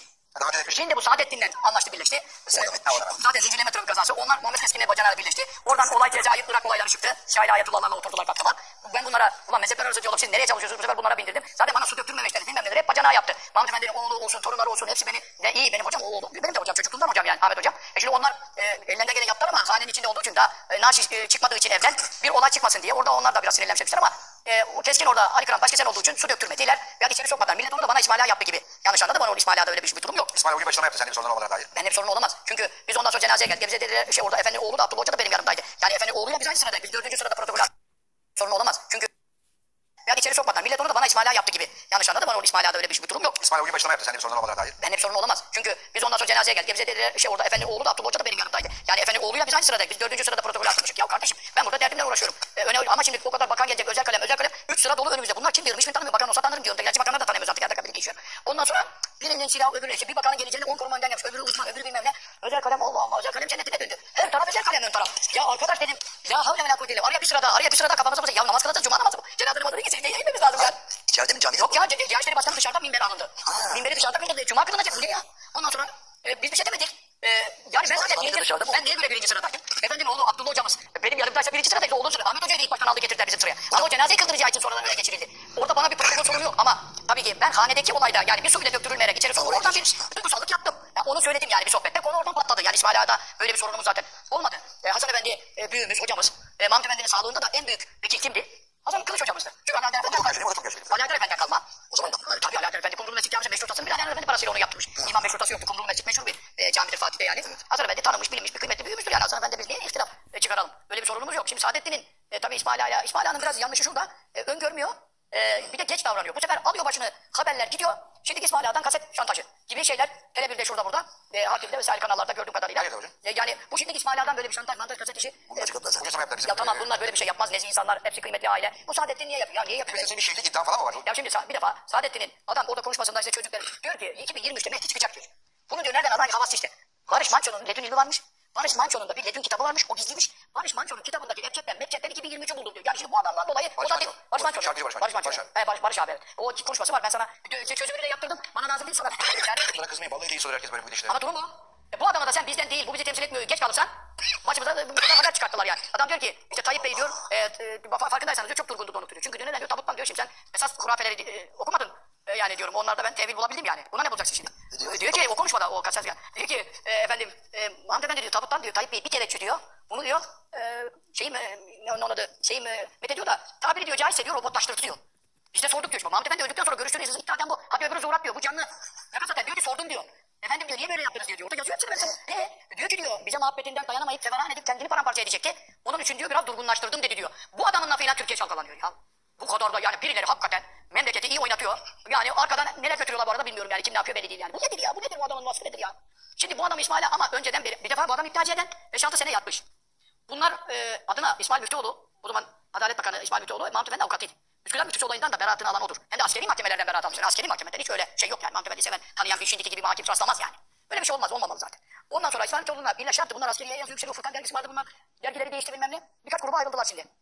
Onun aleyhine Efendimiz Efendi dedi ki bunlar bizi temsil etmiyor, bunlar zarar veriyor, bunlarla bizim işimiz yok. Soyadı Usta Osmanlı olunca maalesef burada aileye de bir zarar gibi görülüyor ama onlara niye zarar olsun? Yanlış. İslamiyet'te suç Ferdidir, şahsidir yani yanlış yapan yanlış konuşan ben de suç duyurusu yaparım. Onu yaparım bunu yaparım. Kasetler dediği konu tamamı Atça'nın elindeki benimle ilgili 2009'daki bir muhabbetteki tarikat konularından sen benden ders aldın diyor. Şeyini bıraktın diyor bilmem. Ya sen bana teberrüken yazmışsın mühürlemişsin vermişsin. Ne yapayım suratına mı çalayım? Sonra yırttım attım. Ne icazeti verdi? Ya Kadiri Rufai'den e, silsilesi var Seyyid'in falan diye. O silsileden teberrüken. Bende bir çuval var evde. E, Bütün ulema evliyadan bereket diye al, alıyoruz. Usulde vardır bu yani istat icazeti, delail icazeti bilmem. E, bazen de basarım kitabını delail hayrat dışını ya- şey yaptım. İbrahim Hasan'ınkini koydum kaç şey şeyden. Bu tarikat şey değil, tarikata girmek değil. Biat değil. Adam o noktaları şimdi karıştırıyor. Onları diyor sürerim diyor. Ben de diyorum. Pilav icazeti de vardı şeyler. E, var tabi Osmanlı'da neler vardı. E, şimdi e, bu adamlar e, İsmail Ağa'yı, şey, İsmail e, Saymaz güzel yazmış. İsmail Ağa'ya diyor birkaç kere bomba bıraktı ama diyor. Bu seferki bomba diyor İsmail Ağa'yı tam bombaladı diyor. Hakikaten çok doğru bir tespit yapmış. O bilgileri ben biliyorum. Acaba anlattılar ama tabii tarihleri bilmiyorum, hatırlamam. Ya tekbir diyeyim. O zaman bu iptalciye meselesi konuş. Onu yazmış. Oradaydım. Efendim senin yanındaydım. Hangi seneler? 80'li yıllar, 90'ın başı mı ne? Tekbir giyim sahipleri. E, Elazığlılar herhalde. Tanışıyorum da kendilerine. E, o zaman tabii öyle tanışmıyorum. Timurtaş Hoca vardı rahmetli. Timurtaş Hoca da Elazığ vaizi miydi? neydi? Elazığlı mıdır esasen bilmiyorum ama o da o bölgenin adam. Onu aldı geldiler. E, biz de odadayız. Biz biz de şaşırdık. Dedi ki hocam dedi, hoca efendi dedi, hanımefendi. E, bunlar dedi bizi bombalıyorlar dedi. Dedi niye dedi bombalıyorlar sizi? Ya ne alakası var? E, dedi ki silah parası lazımmış. Silah parası lazımmış. Biz de silah parası vermiyoruz. Diye, diye bizi bombalıyorlar. Bir, bir tane bombalamışlar öbürü de şey kumruya gitmeden sağda açmışlar o zaman biz. 80'lerde ya. Ondan sonra hoca efendi dedi Allah Allah böyle şey olduğunu en kızdığı işler. Müslüman Müslümana saldırması veya orada saldıramazsın. Ne, ne demek ya? Haraç mı alıyorsun? Bunlar e, yani şimdi geldi. Mehdi diyor cenazedeydi diyor. Sordum diyor Mahmut Efendi'ye neredeydi diyor. İşte sağda diyor. E, 20 metre sağa git şuradan buraya git. Şimdi Mehdi 2023'te çıkacak. Burada da bitelim. Biz bundan kapışmamız ilk Mehdi meselesinden de oldu. Bu Mehdi Mahmut Efendi demiş ki şimdi talebedir. Büyüyor. E, büyüyor çıkmak üzere. Böyle bir şey demedi hoca efendi. Ben bu iftiralarla uğraşmaktan devamlı ben bedel ödüyorum. Maalesef İsmail merkezi hocaların hiçbiri konuşmaz etmez. Kalıyor üstüme. E şimdi o zaman Adnan da aynı olay oldu. Adnan Oktar. Adnan Oktar'da da e, Mehmet Ali Hoca mübarek sefa seni yakın dedi uzak dedi laflarını çıkaracak. Sonra Mehmet Ali hocamızla bir sürü sıkıntı oldu. Sonra aldım gittim onu efendiye. Dedim gel soralım. Sen de rüyanı anlatıyorsun. Şunu anlıyoruz. Sorduk. E, dedi ki e, efendim sen dedim o zaman da az konuşuyordu. Hastalığı dönemiydi. Dedim yakın mı uzak mı diye sor. Biz Mehdi'ye inanan bir insanlarız. E, Mantık Hazretleri dedi uzak dedi. Bize de zaten demişti. Uzak dedi yani. Daha dedi İslamiyet ilerliyor. O zaman Müslüman çok azalacak yani. E, Bu hadislere göre böyle dedi. Şu anda milyarlarca Müslüman var yani. Bu şu andaki bir şey değil dedi. E, tabii kabul etti. Sonra çıktık flaşta falan onunla birlikte. Şunu demek istiyorum. Bu Mehdi meselesi de sıkıntı çıkarır. Çünkü zuhurat gördü. E, büyüyor. Mahmut Efendi'yi dinleyenler var. Kulağıyla duyanlar var. Ya kardeşim ben burada kulağıyla duyan bütün millet bana inanır. Kaç tane de şahidim var. Yanımdaki uzak dedi bunu. E şimdi dolayısıyla biz buna uzak dedik Mehdi işine diye. Şimdi bunun adayı kim? Cenazede kimdi, neydi, tanıyor mu, biliyor mu bilmiyorum ama şimdi... Abi bunların Mehdi adayları falan mı var? Bilmiyorum. Şimdi Barış Manço'nun e, kitabından 2023'ü hepçetten bilmem neden çıkardım diyen bir Başkanın böyle bir kitabı var. Başkanın Redül Redül mi varmış? Kitabı da gizliymiş mi bilmem neymiş bilmem. Ben de bunu Ebu Bekir Sofuoğlu tweet atınca e, ben bu ne diyor dedim ya. Barış Manço'nun kitabından Mehdi'nin tespitlerine adama mı uyacağız? Yazmış. Ben de dedim bu nereden çıktı? Ben de baktım konuşmasını çözdürdüm o bölümünü. Size veririm. Yani şunu diyorum. E, bizim Mahmut Efendi'nin cemaatinin temayüz ettiği vasıf ilmiye ve medrese sınıfı olmasıdır. Medrese sınıfı da olsa halkın ekseriyeti tabii ilimden nasip olmadığı için tabii zuhurat keşif işlerine çok itibar edebilir. Ama İmam Rabbani yolu, Nakşibendiye yolu, zuhurat keşif e, kerametler e, çok şey yapmaz. İmam Rabbani bize vermiş bilgiyi. Şeriattan zerre kadar riayetsiz diyeceğiz. Kıl kadar ayrılırsa havada da uçsa deccaldır. Denizde de yürüse zındıktır. Ölçümüz Kur'an ve sünnettir. Bizim tarikatın yani kimseyi tam. Evet. Kezzabi. Şimdi ilmiye sınıfıymış. Ya Şehit hocamız ses kayıtları var. Herkes dinliyor. Neler çektirmişsin adamlara ya. Bu yalancılık da hakikaten yani pir olmuşsun. Sen öyle bir tarikat kursan bayağı da üyen olur yani. İlmiye sınıf. Ne diyordu Şehit hocamız? Bu adamın diyor, bu Melo'nun diyordu zannediyorum yanlış hatırlamıyorsam. Ses kaydı herkes dinliyor. Bu adamın İsmail Ağa'nın ana arterleriyle hiçbir alakası yok. Efendi Hazretleri ile hiçbir alakası yok. Yanmaz kefenle bilmem neyle falan filan işi idare ediyor. Sanki Kur'an bitmiş, ayet bitmiş, dualarla, muskalarla falan filan. Sonra büyük bir alim bana dedi ki diyor Efendi Hazretleri'nin akrabası olan büyük bir alim. Bunun televizyonda da konuşma. Git filan yerde konuş orada konuşma. Bunlar duruyor yani. Şimdi bunu sevenlere bunu soruyoruz. Ya işte falan filan. Hık mık hüngür müngür. Bırakın şimdi ıkınmayı. Binlerce, binlerce yani. Ne oluyorsa anlamıyorum. Şimdi gelelim buradaki palavralara. Orada ne diyor mesela? İptace terör örgütü. Bunun reisi kim? Kumandan Salih Mirza Beyoğlu. Değil mi? Kumandan Salih Mirza Beyoğlu. Şimdi bir video seyrettiriyoruz. Ek bir videoyu aç. Bakalım bu kimden bahsediyormuş? Terör örgü- örgütü varsa onun başı da var. Onun başı da Salih Mirza Beyoğlu. Öyle dedi mahkemeler. Sonra öyle olmadığını da kabul ettiler. Ayrı bir olay. Şimdi bakalım bu Cübbeli Ahmet Mahmut ne diyor? gibi, e, Salim Mirza Beyoğlu gibi nice ehli sünnet itikadına sahip insanlar tabii e, 15-20 sene yatanlar var. Ya Rabbel Alemin zulmen hapsedilen Müslüman ehli sünnet kardeşlerimizi halas eyle. E, gibi Amin. Bana dua ediyor. Ben de 7 sene yattım. 2 sene de zaruri olarak kaçtım. 9 sene. Yani Avrupa Birliği'ne gireceğiz diye kanunlar düşmese uuu ne kadar yatacaktım. 18 sene yemiştim çünkü. Bana dua ediyor adam. Ama terör örgütü, ya terör örgütünün başına dua ediyorsun sen orada. Salim Mirza Beyoğlu, ehli sünnet diyorsun. Bu nasıl bir yalancılık ya? Ya insanın aklı uyuşuyor hakikaten ya. Nasıl bir şey ya? Evet gelelim ikinci videoya. Mehdi meselesini anlatıyor. "Ö, Efendim uzak dedi uzak dedi falan filan. Bakalım ne demiş şimdi. Bakalım ne demiş. Mektubatında yaptığı ki Cübbeli kardeşimiz ona çok bir şey yapıyor. O bile şeye dayanıyor neticede. İmam Rabbani kendine göre olan bir keşfine, bir ilham, bir zuhuratına dayanmaktadır yani. Dolayısıyla biz keşfi, zuhuratı külliyen şey yapamayız dedi. Ve o günkü tarihlerde daha düne kadar 7 sene veya 8 sene önce olabilir. Cübbeli Ahmet Hoca Efendi Sabancı'da Beyan dergisiyle yapmış olduğu bir toplantıda bana geldi. Yani şey, ispatlayabilirdi bunu. Mehdi şu anda 30 yaşında demişti. Yani yani o günlerde aynı şeyleri konuşuyorduk. Efendi Hazretleri de ha söylüyor. Ama bunların hepsi dediğim gibi bir şeye dayanıyor neticede. Yani bir yoruma, bir, bir şey. Ve zamanımızda bile mesela bana bazı ehlullah, bunlar da yaban atıcı insanlar değil. Şu anda Mekke Medine arası hatta ismini de sö- söyledi bir hadise dayanarak. Orada dedi yetiştiriliyor dedi hani, hani şeklinde. Ama bunların hepsi şeye dayanıyor. Ya kesin olan ne? Mehdi'nin gelmesidir. Ama huruç tarihiyle alakalı, vasıflarıyla alakalı olan her şey şeye dayanmaktadır. Ve ben bu beyanatımı yeni değil 99'dan beri söylüyorum. Hoca Efendi bunu zaman zaman duymuştur. İtirazı da olmamıştır. Son bir birkaç senedir ben bazı böyle değişik düşündüğünü duyuyorum fakat fazla mühimsemiyorum. Niye? Benim gündemim de bu fazla önemli değil. Var mı var. Ee, önemli olan Mehdi için gerekli çalışmaları yapmaktır. Mehdi gelecek diye aşağı yatamayız ki yani üzerimizdeki düşeni yapmamız gerekmektedir. Ve ben şunu belirteyim. Ben bu beyanatımı verirken daha yeni değil. 90'ları söylüyorum. Hiçbir kimseyi kastetmedim yani. Yani şimdi bazıları işte sen bu beyanatında şu Yani Sayın Halkı Kulpeler. Mehdi Aleyhisselam kaç yaşındaymış? O dönemde 30 yaşındaymış. Şimdi onun hesabına göre hesaplarsak 40 yaşındadır. Lakin hep sorduğumuz soruyu bir daha soralım. Cübbeli Ahmet Mahmut Ünlü, FETÖ'nün ordu imamı Adil Öksüz senin evine geldiğinde hangi meseleyi konuştunuz? Bunu bir anlat ya. Bir anlat ama Kur'an'a el basarak anlatacaksın. Yalan yok.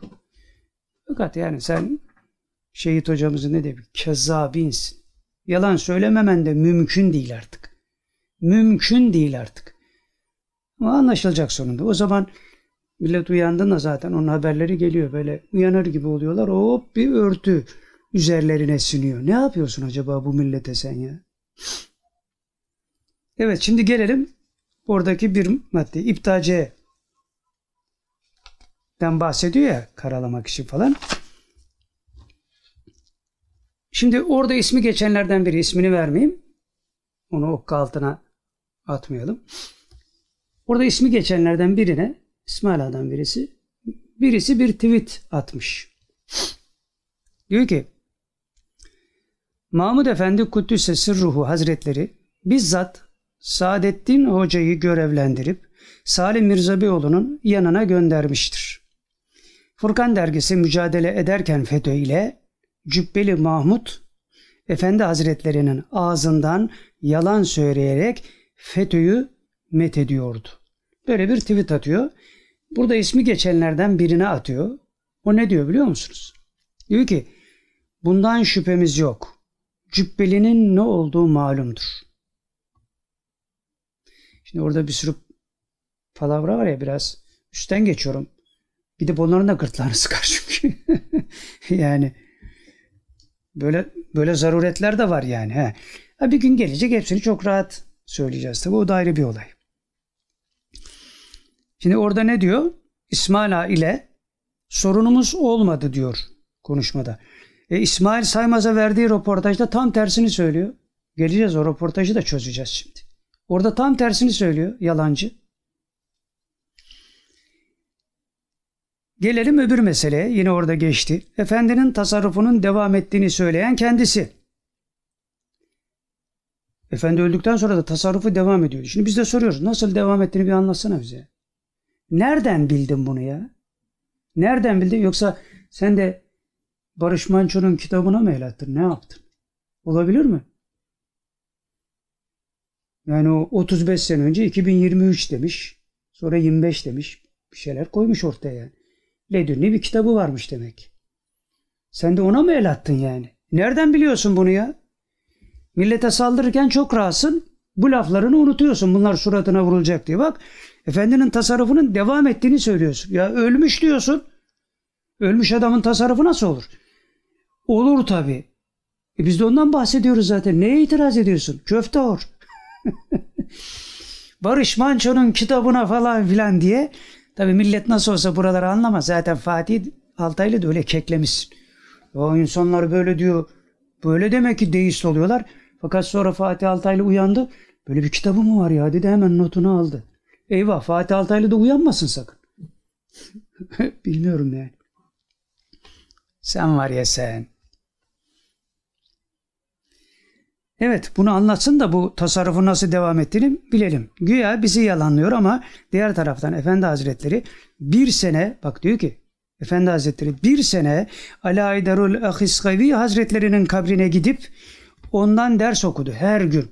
Efendi Hazretleri gidiyor sakız ağacında Efendi Baba'dan Ali Aydarul Ahiskavi Hazretlerinden şey okuyor. Hadi dur araya ben unutulmuştur bir şeyler sıkıştırayım bu arada. Ali Aydarül Ahıskavi Hazretleri benim isim babam. Benim ismim Ali'ydi. Değiştirdi onu. Sonra bir şeker meselesi var. Onu da anlatmıştım bir ara. Yani ben de aradan bir onun taktiklerini yapayım bak. Ben de az boz bir adam değilim ha. Ama ilmi bir şeyi yok. İlmin bir şeyim yok. Ne yapayım yani? İlmim yok. Cahilim ya. Evet. Efendi Hazretleri bir sene Ali Haydarül Ahıskavi Hazretleri'nin kabrine gidip ondan ders okudu. Efendi de bana dedi ki diyor. Bak şimdi bizi suçladığı şeylerin hepsini orada anlatıyor. Bunlar da çocuk gibi hiç düşünemiyor ya. Salla gitsin anasını satayım. Nasıl olsa gevezelik bol ya. Unutur bu millet de anlamıyor bu işleri. Diyor ki efendi de bana dedi ki yakınımda kabir al ben seni okuturum. Ana bunu ben desem hayal görüyor. Tabuttan Efendi Hazretleri demiş ki Cumhurbaşkanı'nın robotla falan filan. Lan bu ne? Gel başkası saldırırken biz beraber kendimizi savunalım. Aynı şeyi söylüyoruz lan. Anlamıyor musun bunu? Gel Vahabi'ye karşı bunu savunalım. Bunun öyle Vahabi mahabi derdi de yok. Allah bunu rezil edecek, herkes görecek. Evet, ben seni okuturum demiş diyor. Lütfen bir açıklama yap da mevzuyu herkes anlasın. Cübbeli Ahmet Mahmut Ünlü. Şimdi gelelim orada Furkan dergisinden bahsediyor. Furkan dergisi meselesi. Furkan dergisi Efendi Hazretleri'nin istiharesiyle çıktı. Biz cezaevinden çıktıktan sonra ikinci çıkışından bahsediyorum. Birinci de zaten Cübbeli Ahmet Mahmut'undu. Yani onlar daha etkindi. Sonra 28 Şubat'ta tabii herkes tüydü. Dergi kaldı bize. Falan filan. Kimse topa girmedi. Derken dergi bize kaldı. Yani işin hakikati bu. Onun uzun hikayesi var. Ona da girmeye gerek yok. Sonra biz cezaevinden çıktıktan sonra Efendi Hazretlerinden izin istedik. İstihare yapalım dedi. İstihare yaptı. Biz de yaptık. Efendi de yaptırdı. İyi gelince biz dergiyi çıkarmaya başladık.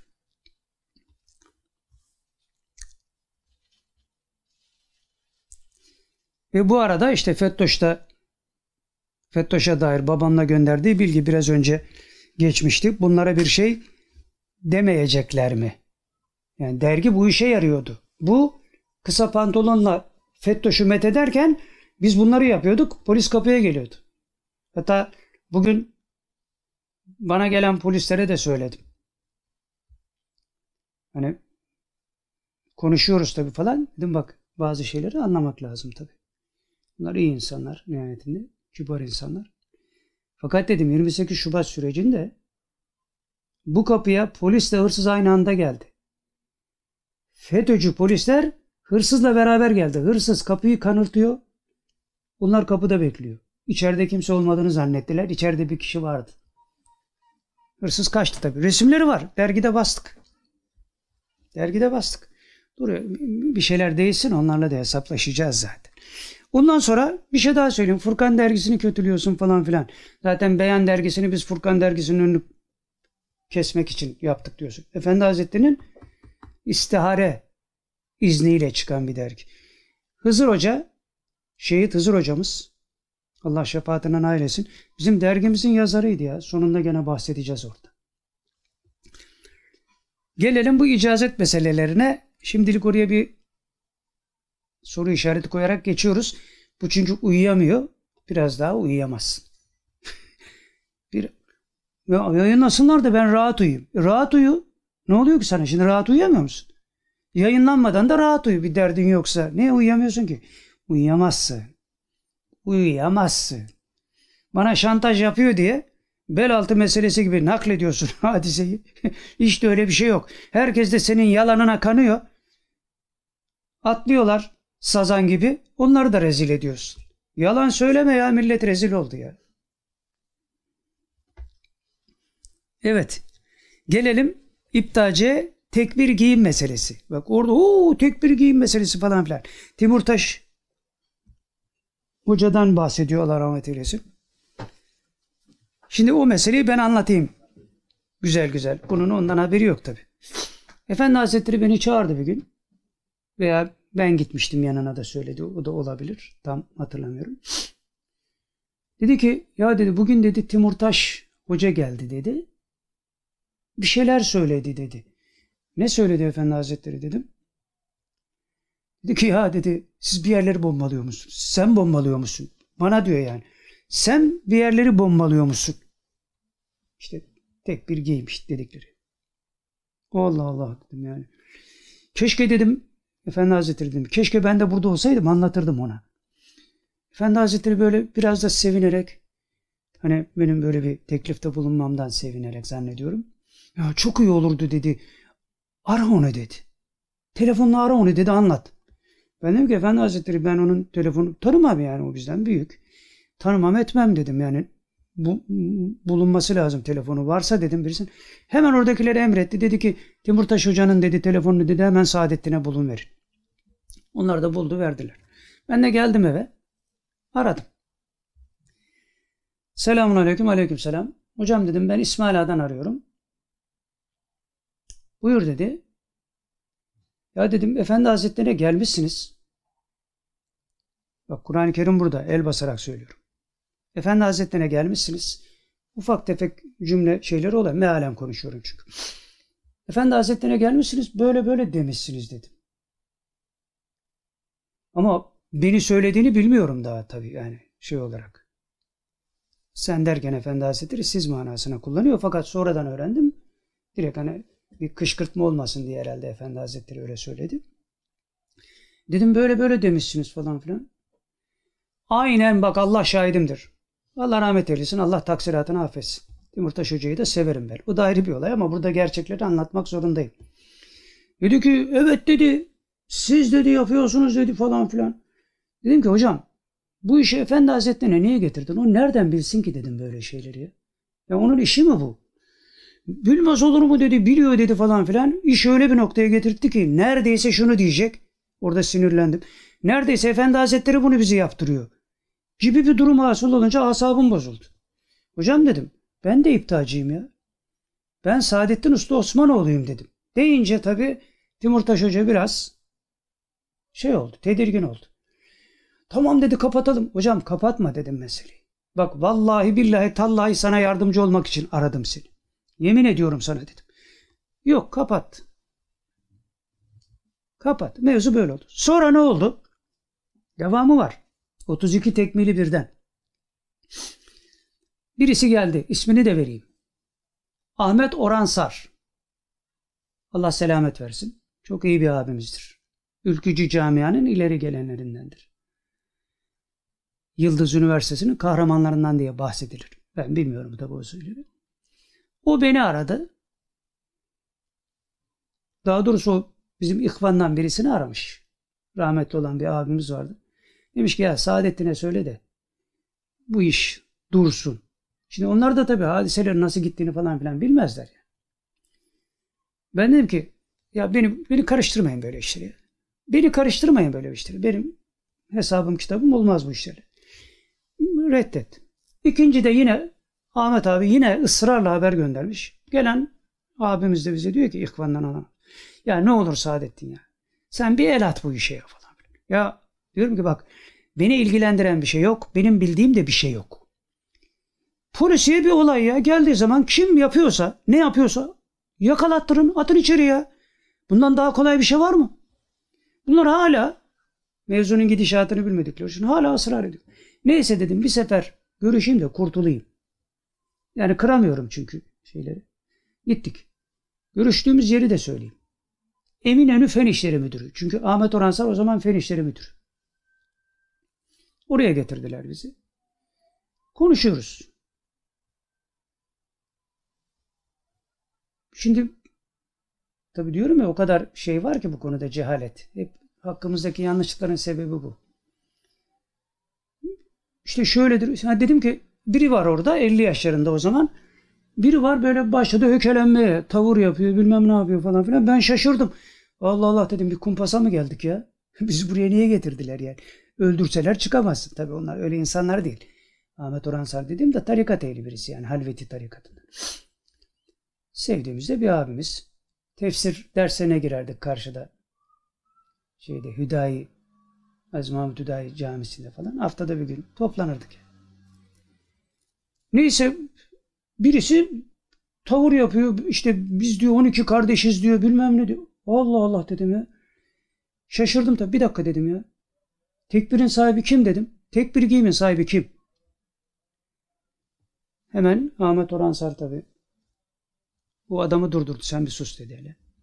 Tekbirin sahibi bunlar dedi. Orada ya bir kardeş ya iki kardeş oradaydı. Şimdi hatırlamıyorum. Geçmiş zaman. Dedi ki bir mevzuyu anlatır mısınız bana? Anlattılar. E dedim siz zaten mevzuyu biliyor musunuz? Niye beni sokuyorsunuz ki bu işin içine?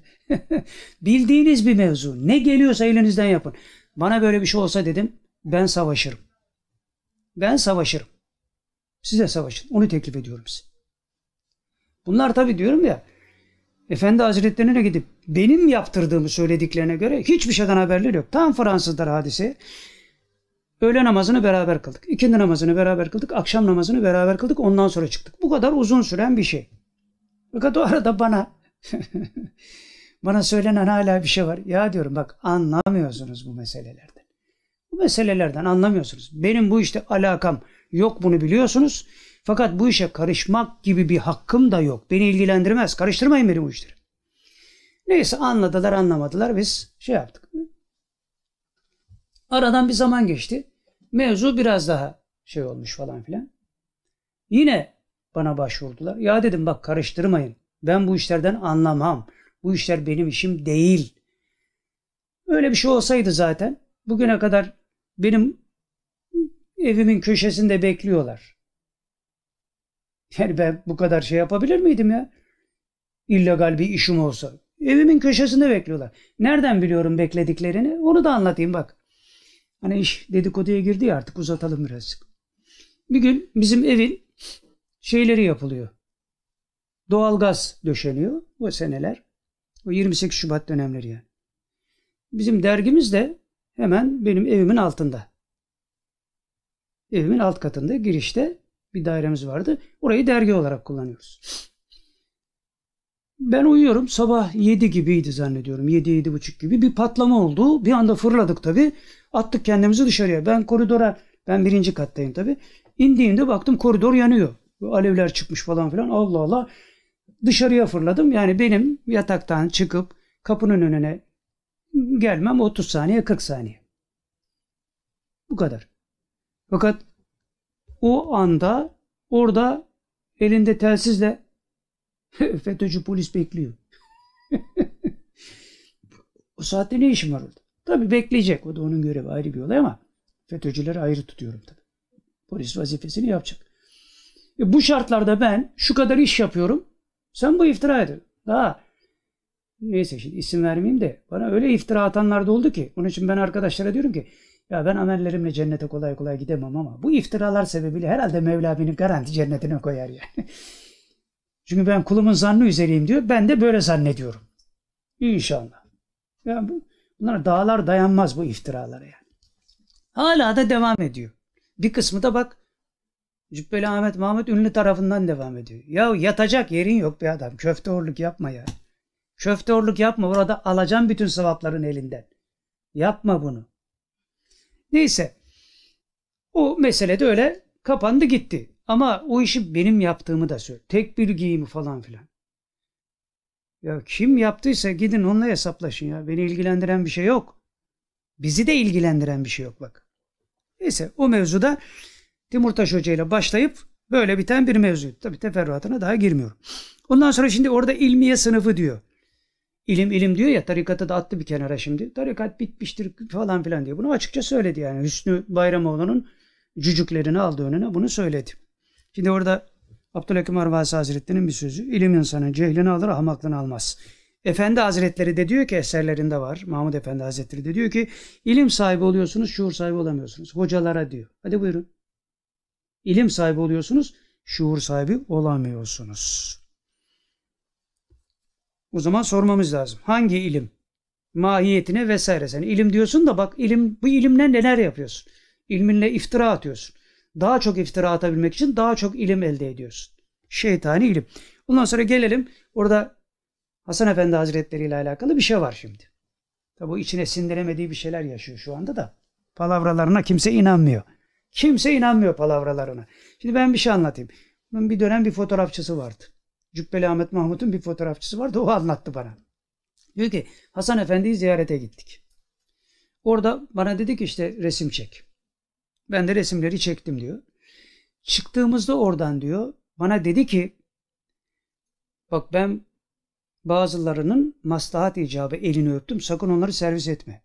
Elini öptüğü kişi de diyor orada Hasan Efendi Hazretleriydi. İsmail Saymaz'ı kekliyorsun. İsmail Saymaz ne anlar bu işlerden? İşini iyi biliyorsun. Onlar da biraz çanak tutuyorlar sana tabii. O da ayrı bir olay da. o İsmail Saymaz da bize çok iftira attı. Kökler Derneği şöyle yaptı böyle yaptı falan. Yani gel İsmail sen solcusun sana anlatırız onu gel. Ben sana gelmem sen gel. Gel Kökler Derneği'ni göstereyim sana. Gel orada bir çay içelim seninle. Gel bir çay içelim ya. ya sürüsüzü müküsü bir olmuş bize saldırıyor. Ya gücünüz yetmez arkadaşım yetmez. Niye? Allah rızası için uğraşıyoruz. Becerebildiğimiz kadar. Beceremediğimiz yerde bizi ikaz ediyorlar zaten. Evet. Şimdi İptalci eden hapis yattı diye orada bir mesaj veriyorsun millete. Nasıl olsa Habertürk, ulusal kanal, milyonlarca insan seyrediyor. Bu arada ne yapıştırırsam diyorsun. Ama sonra yüzüne vurulacak bunu hiç düşünmüyorsun. Şimdi bak yüzüne bir şey vuracağım. Haysiyetin varsa biraz utanacaksın. Utanmazsın gerçi. Utanmazsın. Şimdi iftarcı eden hapis yattı diyorsun. Ben diyorum ki beraat ettim. Dolayısıyla beraat eden insan suçlu değil demektir. Peki ya sen? Sen neden hapis yattın bir söyler misin? Kadın ticaretinden yattın. Evraklar da öyle gösteriyor. Okuduk baktık. Evraklar da öyle gösteriyor. Ha beraat ettim diyorsun. Öyle mi? Ben de beraat ettim. Ama seninkinde şaibe var. Tekrar açılacak onlar. Seninkinde şaibe var. Diyelim ki ikimiz de suçluyuz ve hapis yattık. İkimiz de gerçekten suç işledik ve hapis yattık. Fark nedir? Ben İslam davası güderken düşmüş olduğum zindana, sen kadın ticaretinden. Fark anlaşılmıyor mu? Hadi ikimiz de suçsuzuz diyelim. İkimiz de beraat ettik ya, ikimiz de suçsuzuz diyelim. Geride kalan yine aynı düşünce olmayacak mı? Yine sen kadın ticaretiyle anılacaksın.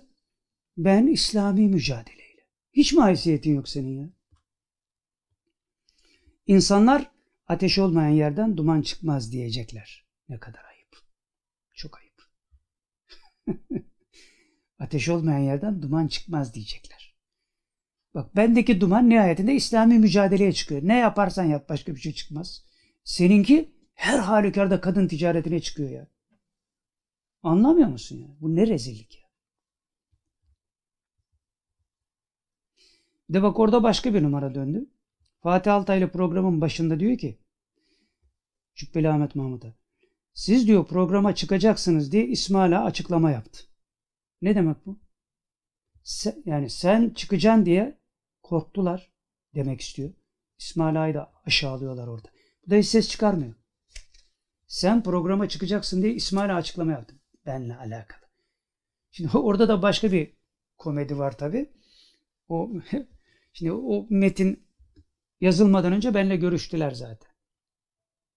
Benimle görüştüler. Haberim var yani o metin. Fakat çok garip bir şey yapmış. O metni yazan kimse biraz acemiydi demek ki. Diyor ki Usta Osmanoğlu sülalesi adına konuşamaz diyor Saadettin Usta Osmanoğlu. ya ben de şaşırdım. Acaba böyle bir Usta Osmanoğlu şirketi mi kuruldu da bunun adına ben konuşulan konuşamam. Benim soyadım Usta Osmanoğlu. Bir gün önce zaten bunu bana danışmışsınız yani. Tamam orada bir mecburiyet vardı. Biliyorum onu. O ayrı bir olay. Kimseyi de kınamıyorum. Kimseyi de suçlamıyorum bak. Bunu da söyleyeyim açıkça. Bazı maslahatlar vardır. Onları da idare edeceksin. Nefsane davranmak hoş olmaz. Ama bu laf neye söylendi burada? Ve bu adam neye itiraz etmedi buna? Fatih Altaylı de, dur bir dakika ya. Ne demek yani ben buraya çıkacağım diye İsmail abi benden korktu. Böyle bir açıklama mı yaptı? Evet o onu kastediyor. Sen de ses çıkarmıyorsun. Sükut ikrardandır. Ne yaptın sen şimdi? Sayın Halkı Kulpeler. Soru 1. Bunu anlamak lazım. Evet. Gelelim 16. maddeye.